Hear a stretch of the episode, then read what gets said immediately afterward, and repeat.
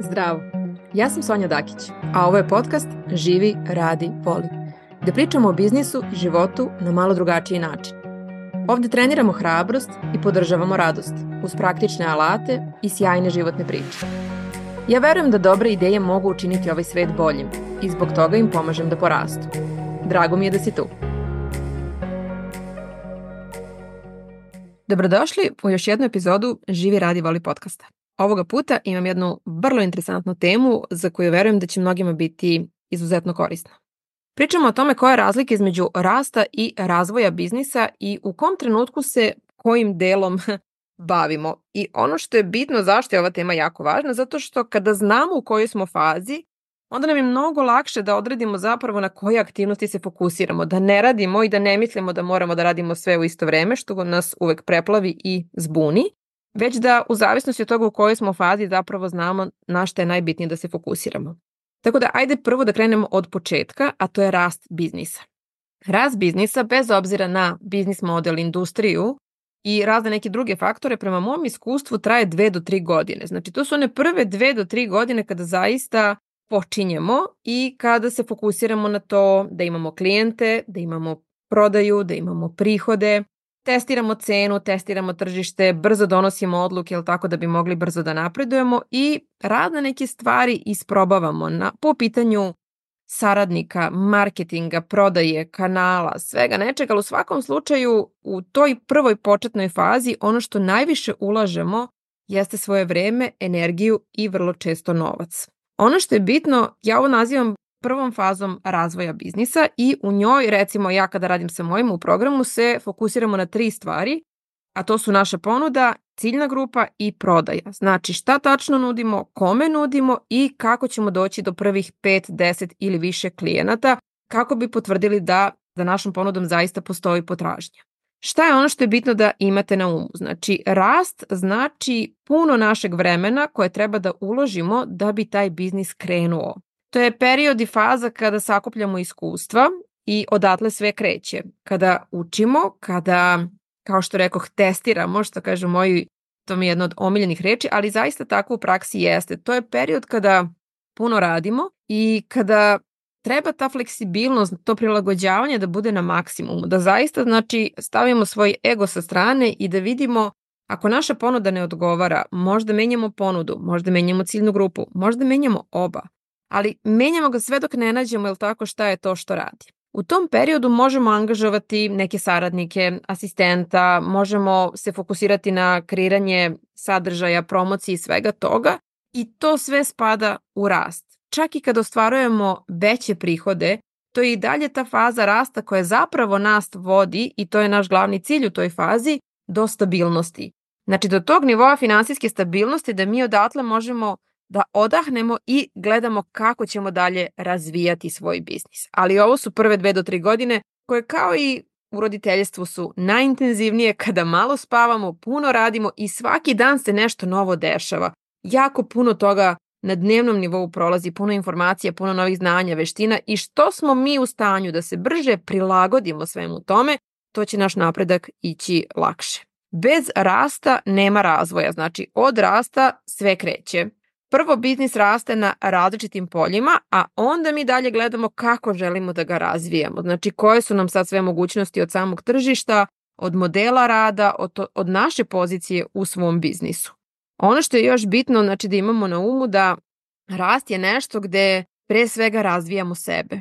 Znači gde se mi, gde mi ulazimo u taj preduzetnički identitet i u zavisnosti od naše spremnosti da učimo i da se menjamo, da menjamo ono što nam ne složi, apsolutno će zavisiti dokle ćemo stići. Sa druge strane, razvoj je proces koji pre svega zahteva ulaganje novca. Zato je bitno da tu finansijsku stabilnost imamo pre nego što krenemo da razvijemo svoj biznis. On zahteva da razvijemo nove veštine i naravno potpuno novi način razmišljanja, zato što za sledeći nivo nam trebaju novi načini poslovanja i posmatranja stvari. Često se srećem sa ljudima koji žele mnogo brzo da rastu i to nekada može da dovede do ozbiljnih problema. U smislu da im se dogodi da jedan put imaju puno klijenata, ali da nemaju sistem iza toga i da to ne mogu da podrži i da ne mogu da isporuče kvalitet. Nebitno da li pričamo o online programu, kolačima, garderobi, nakitu, šta god. ali nemojte po svaku cenu želeti više klijenata ako zaista ne znate i niste spremni da im izađete u susret i da zaista isporučite šta treba. Tako da jedno od ključnih pitanja koje bih vas podstakla da sebi zapišete i da o njemu razmislite jeste koliko ja želim da ovaj biznis poraste. Znači, sasvim je okej okay da se to sa vremenom menja, da posle dve, tri godine imate drugačiju percepciju jer ćete vi biti drugačiji, ali da u tim okvirima, znači da sebi to pitanje postavljate makar na godišnjem nivou, da u tim okvirima znate gde želite da budete i da prema tome donosite odluke i radite sve što je potrebno. Što se tiče razvoja biznisa, razmišljamo koliko možemo da ga razvijamo, a da uštedimo na resursima. Znači koliko možemo da uvećavamo prihode, a da ne uvećavamo troškove. Znači da se u stvari ta naša razlika gde je naš profit uvećava bez da smo mi više uložili. Kada uspemo da uslužimo 100 i 500 klijenata sa istim resursima, to znači da smo uspeli da smo dobro razvili svoj biznis. Nebitno da li pričamo o tome da se bavimo edukacijom i da imamo 100, to je da smo imali 100 polaznika, sada ih imamo 500 i to jedan isti sistem podržava, ili da proizvodite kolače i da ste nekada mogli da napravite 100 dnevno, a sada možete 500 jer ste zaposlili ljude, kupili mašinu ili šta god. Ali poenta je da znači sa istim resursima mi možemo da isporučimo više. Ono što razvoj apsolutno podrazumeva, to je više novca, više klijenta, ali te bolje rezultate koje mi možemo da isporučimo, ali da ne radimo više, već pametnije sa istim resursima. E, tu je onaj izazov koji leži u svemu. U drugoj fazi razvoja, znači ako se u prvoj fokusiramo na našu ponudu, ciljnu grupu i e, prodaju, u drugoj se fokusiramo na marketing. Znači, ako smo u prvoj fazi već našli 10, 20, 100 kupaca, sada gledamo kako da ih nađemo više. Znači, koje marketinške aktivnosti treba da uključimo da dođemo do više ljudi. Druga stvar su financije, kako planiramo i pratimo svoje financije. Ovo je ključno jer se često dešava da ljudi krenu da zarađuju više, ali isto tako da troše više i zapravo njihova zarada bude mnogo manja. Tako da tek kada imamo jasnu sliku koliko imamo prihoda, koji su naši troškovi i kako da ta razlika bude što veća, mi možemo reći da smo zaista na dobrom putu. I na kraju treći korak jeste postavljanje sistema za dugoročnu održivost, znači za dugoročno održiv biznis koji uključuje formiranje tima, jasno delegiranje i kreiranje sistema i procedura koji će to da podrže. Znači da taj posao više ne zavisi samo od nas, da ne donosimo mi sve odluke, već da imamo tim ljudi koji tačno znaju šta je njihov posao, koje su njihove odgovornosti i da mogu samostalno neke stvari da rade. Ako na primjeru nekog konsultanta recimo ili terapeuta koji radi jedan na jedan, pomislimo da ćemo razviti svoj biznis tako što ćemo povećati cenu svoje usluge, to je i dalje polje rasta. Zato što mi i dalje možemo određeni broj klijenata da uslužimo u određenom vremenu. Znači nismo razvili svoj biznis, samo nam je broj klijenata porastao. Šta može da bude drugo? Da sa modela rada 1 na 1 pređemo na malu grupu od troje petoro. To je sada već neka razlika gde mi za isto vreme možemo više novca da zaradimo. Takođe, ako nam je stalo do nekog utica ili doprinosa koji želimo da ostvarimo, onda gledamo kako da dođemo do više ljudi sa onoliko vremena koliko imamo. Jer činjenica je da svi imamo isti faktor vremena i da ga ne možemo razvući van tog okvira. Upravo zato je važno znači, da razmišljamo kako možemo brže da pomognemo drugim ljudima, to je našim klijentima da postignu rezultate i to je nešto što dolazi od prakse. Znači kako možemo brže i lakše većem broju ljudi da pomognemo i to sada dolazi od neke sistematizacije i automatizacije i u krajnjem slučaju od našeg iskustva da sa što više ljudi radimo, da shvatamo da prosto postoje neki neke poslove koje, koje neke, kako da kažem, paradigme, neke obrazce koje prepoznajemo i samim tim taj proces kroz koji vodimo ljude prostaje sve bolji i bolji. Objasnit ću vam to i na primjeru proizvodnje, da ne bude da se držim samo online biznis modela. Kada bi dali jednoj ženi da vam sašije jednu majicu na tri mašine koliko je potrebno, njoj bi trebalo oko pola sata do 45 minuta, iako je veoma stručna. Ali šta mi radimo kad imamo proizvodnju? Mi imamo tri žene na tri mašine i svaka radi jednu fazu. I njih tri mogu za sat vremena da izbace 60 ili 70 majci. To je sistem. Znači, ono dok mi šijemo jednu stvar, kada se podeli, kada se napravi jedan proces, je nešto što onda postane potpuno optimizovano. Ja se sećam kada smo mi krenuli sa Daj Daj pelenama i onda je srđanova mama, pošto je nama proizvodnja bila u delu porodične kuće u kome smo živali, pa su oni prve dve godine gledali kako se sve to razvije i kako to kako se mi mučimo sa tim raznim stvarima koje, koje nismo znali nikada ranije nismo radili. Onda u jednom momentu ona rekla, kako bi eto bilo mnogo bolje da smo ja i Violeta šile te pelene nego što smo plaćale žene, jel tako, da to šiju, kako bi onda im bilo mnogo lakše. Međutim, to je apsolutno potpuno pogrešno razmišljanje, zato što prvo nas dve to nismo znale da radimo, tako da prvo bi trebalo da naučimo i to nije tek tako.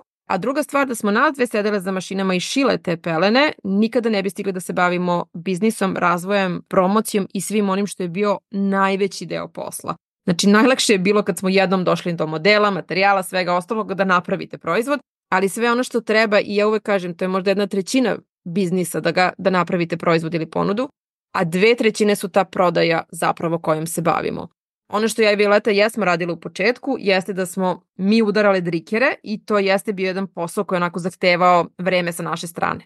U jednom trenutku kada smo shvatile da i to nas ograničava, jer prosto svaka od nas je mogla recimo za jedan dan da uradi 30 do 40 pelena, to je da na njih postavi drikere, mi smo uzeli ženu koja je radila to i izvukli se potpuno iz te operative. Tako da, ok je na početku da nešto krene od nas i da kažem, ok, sad ja pravim ove kekse i ja mogu da napravim toliko, ali ako ja hoću da razvijam taj biznis, ja onda moram da vidim kako umesto 100 kolača mogu da izbacim 500 dnevno. Da li je to tri žene koje će da rade sa mnom ili je to neka mašina koja će da ih pravi. Znači šta je ta opcija da ovo ode na sledeći nivo i da ne zavisi isključivo od mene i mog vremena koje treba da uložim u to. Tako da, ako želimo veći uticaj, veći doprinos, veći prihode, šta god da je ono što je vaš okidač, onda je potrebno da razvijamo svoj biznis. Ako ne, on će uvek ostati na tom nekom početnom modelu i vrtećemo se u njemu i to je okay, samo toga budite svesni.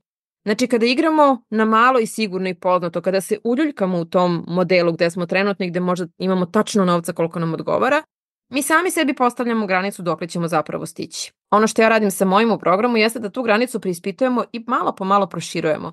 I da se iznova pitamo, ok, šta ako je za mene moguće više, kako to izgleda, sa čim sam ja trenutno u skladu, posebno ako imate decu, porodicu, nekoga o kome brinete, onda gledamo kako i tu negde možemo da svoje vreme sačuvamo za te koje su nam važni i koje volimo, a da biznis sve to podrži, a ne da nas pojede, da kažem, i potpuno preuzme.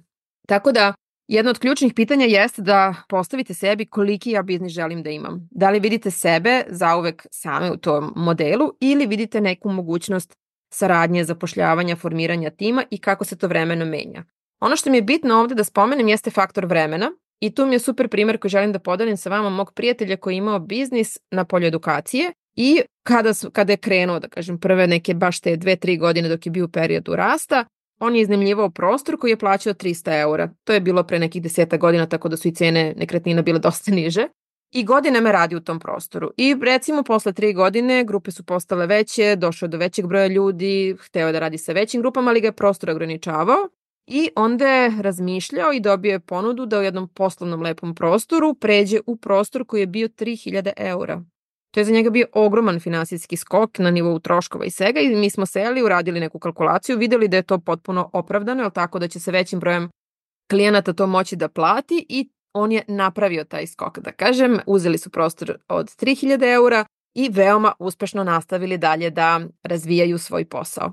Ono što je interesantno, on je negde posle 3-4 godine došao kod mene i rekao, e, mislim da sam spreman za sledeću fazu i podneću kredit da kupim svoj prostor. I to je bilo nešto što on kada je počeo pre 6-7 godina uopšte nije ni razmišljao o toj mogućnosti da jednog dana ima svoj prostor, ali mu isto bi tako bila super ideja da ima da je sada u mogućnosti da ga ima i da ga potpuno opremi i da ga bira tako da mu zaista služi da ono što radi iz iskustva prethodnih godina poslovanja. I onda u jednom momentu rekao, znaš, kao baš mi je krivo, eto sad kad razmišljam koliko sam godina plaćao kiriju, koliko sam novca dao, to bi moglo sada da služi makar kao učešće za ovaj lokal. Ali s druge strane, jasno mi je da iz one faze kada sam plaćao prostor 300 eura, ja nikako nisam mogao da skočim u ovu sad situaciju kada kupujem svoj prostor.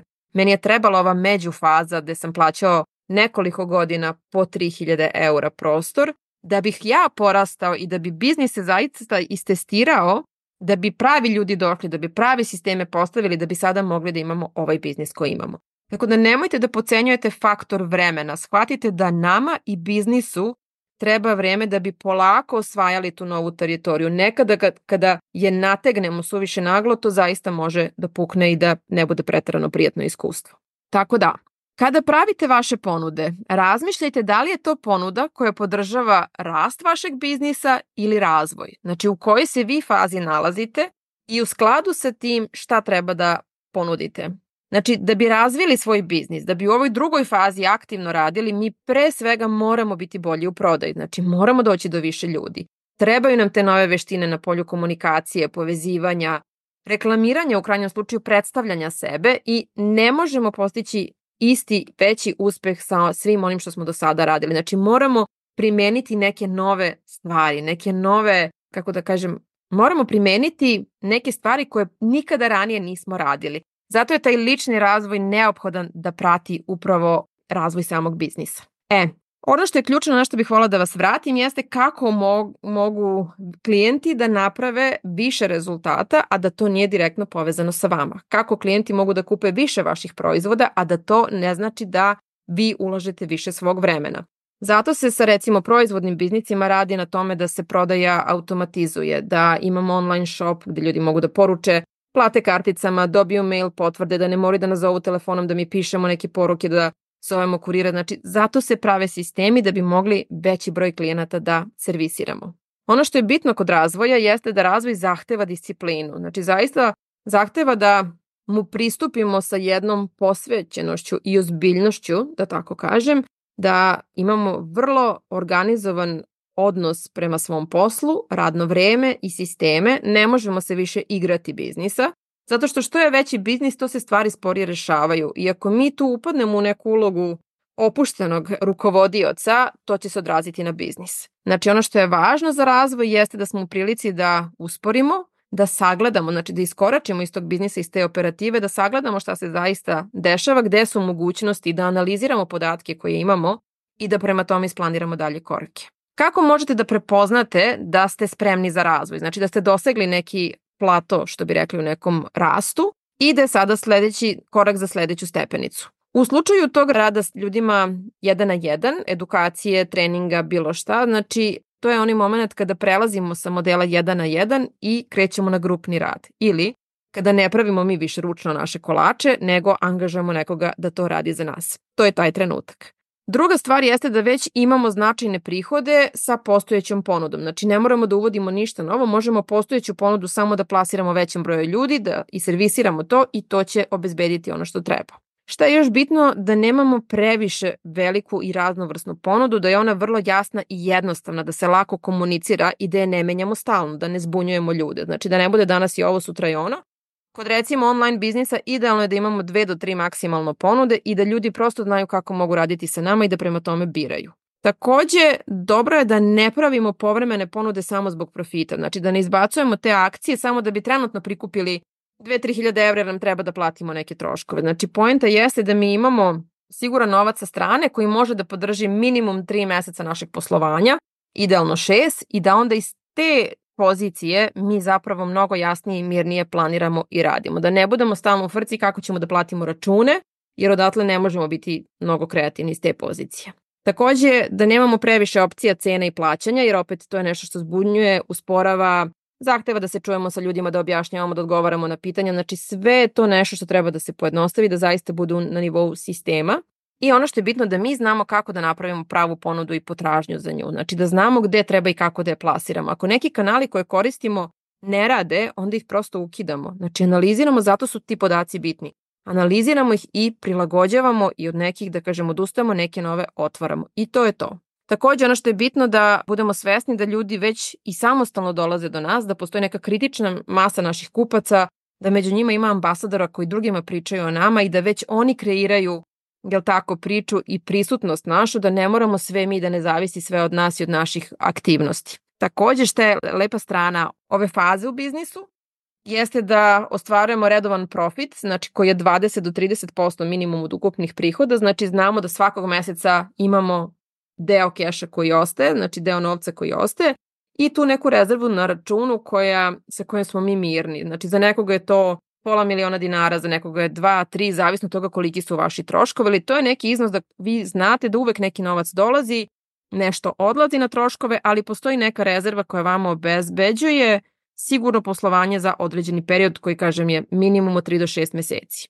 Takođe, razvojna faza je jako bitno da sadrži vreme za odmor i nove ideje. Zato što je to ono što nama zapravo daje priliku da radimo bolje da imamo prostora da zaista sagledamo, analiziramo, inoviramo da smislimo nove stvari i da svojim klijentima ponudimo više. Tako da ovo je ono što je mnogim od nas najveći izazov zapravo da damo sebi pravo i dozvolu da odmorimo, da izađemo iz svog posla i shvatimo da kada se vratimo sve će biti mnogo bolje. Takođe, u tom periodu razvoja, kada imamo, kada iz te sigurnosti kreiramo, mi nemamo taj pritisak više da moramo da dođemo do određenog broja klijenata, prihoda, da je frka. Znači, mi zaista iz jedne, onako kako da kažem, mirne pozicije sagledavanja situacije mnogo bolje reagujemo i kreiramo. Šta su neka četiri ključna koraka za dobar razvoj biznisa? Znači, na prvo mesto da kreiramo ponude koje će podržati razvoj. Znači, da kreiramo te ponude koje mogu sa postojećim resursima da dopru do većeg broja ljudi. Zatim da dođemo do tih novih ljudi, da povećamo prodaju i da razvijamo svoje prodajne veštine i marketing strategiju. Znači da gledamo kako to sve može da raste, jel tako, bez našeg direktnog angažmana i povećanja našeg uloženog vremena. Zatim razvijanje procesa i procedura u smislu da znamo tačno šta je to što je naše i kako mi radimo i to je jako bitno kad imamo tim da komuniciramo i da kreiramo nešto što je naše. Da li će to biti naša receptura za kolače, naši krojevi za garderobu ili intelektualna svojina, ali da imamo svoje procese koji nas izdvajaju na tržištu, nešto što će nas činiti unikatnim, nešto zbog čega će ljudi dolaziti baš kod nas. Znači da naši klijenti su zadovoljni da ne razmišljaju da nas menjaju i da su tu da ostanu. Ono što je poslednji četvrti korak jeste da unapređujemo sisteme, znači ako imamo tim, da imamo vrlo jasno postavljanje procedure, odgovornosti, uloge, da tačno svako zna šta radi. Ovo je bitno da ne bi mi donosili, kažem, sve odluke i da negde možemo da se opustimo da jedan deo operative radi kako treba. U mom biznisu to se recimo tiče sređivanja materijala, postavljanja postova na društvenim mrežama, sve to što negde Marija radi u saradnji sa Slađom koja pomaže oko tako što vadi komentare iz upitnika, iz naših mailova koje dobijamo, sve to, tako da se njih dve zapravo velikim delom bave kreiranjem sadržaja, a ja onda mogu da se bavim programom, polaznicima, novim idejama, novim alatima i svem onome što zapravo daje vrednost zbog koje će ljudi doći. Tako da jako je važno da imamo taj back-end sistem podrške. Šta je ono što treba da radimo na polju svog uma i načina razmišljanja da bi došli do faze razvoja biznisa? Pre svega da poverujemo da možemo više ljudi da dovedemo do rezultata, to jest do toga da kupe od nas. I ako nam je teško da to zamislimo za sebe u ovom trenutku, onda je super da učimo od onih koji su to već uradili. Znači ako želite da imate proizvodnju kolača, onda idite kod nekoga ko to već sada radi i vidite kako oni to rade, kako njihovi sistemi funkcionišu. Ako neko ume da radi sa 100 klijenata, sa 1000 klijenata ili ima veliku proizvodnju, onda je to pravo mesto i prava osoba da od njih vidimo i naučimo kako to rade. U ovoj fazi, ono kao što sam rekla, važno je da uđemo u taj identitet direktora ili taj preduzetnički, menadžerski identitet, zato što je tu preko potrebna disciplina. Znači ne možemo više da se igramo biznisa, ovo zaista zahteva jedan viši nivo, jer su veća odgovornost, veći su prihodi, ali takođe veći su troškovi. Samim tim ako imamo tim, između ostalog mi smo odgovorni za taj tim. Tako da zato je važno da se mi pre svega posvetimo i budemo model za ostale.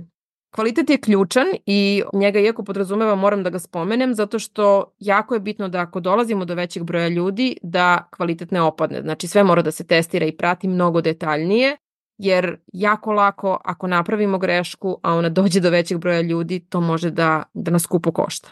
Takođe, nema mnogo mesta ovde za dramu i odlaganje. Jako je bitno da imamo fokus da bi zaista uradili ono što je potrebno. Ne možemo sebi da priuštimo da satima visimo na Instagramu, da gledamo serije i očekujemo da će sve biti u redu samo od sebe. Znači, dogod ne uspostavimo zaista sistem i neke brojeve koje pratimo, parametre koji su nama bitni, totle je bitno da mi znamo pre svega u kom pravcu idemo i na osnovu čega to proveravamo. Ono što je važno da kažem i što ja često pričam s ovima mojima zašto mi u stvari treniramo hrabrost, zato što je hrabrost potrebna da pređemo na taj sledeći nivo. I tu je sve novo, sve je drugačije i za nas nikada viđeno. Znači mi to nikada ranije nismo radili.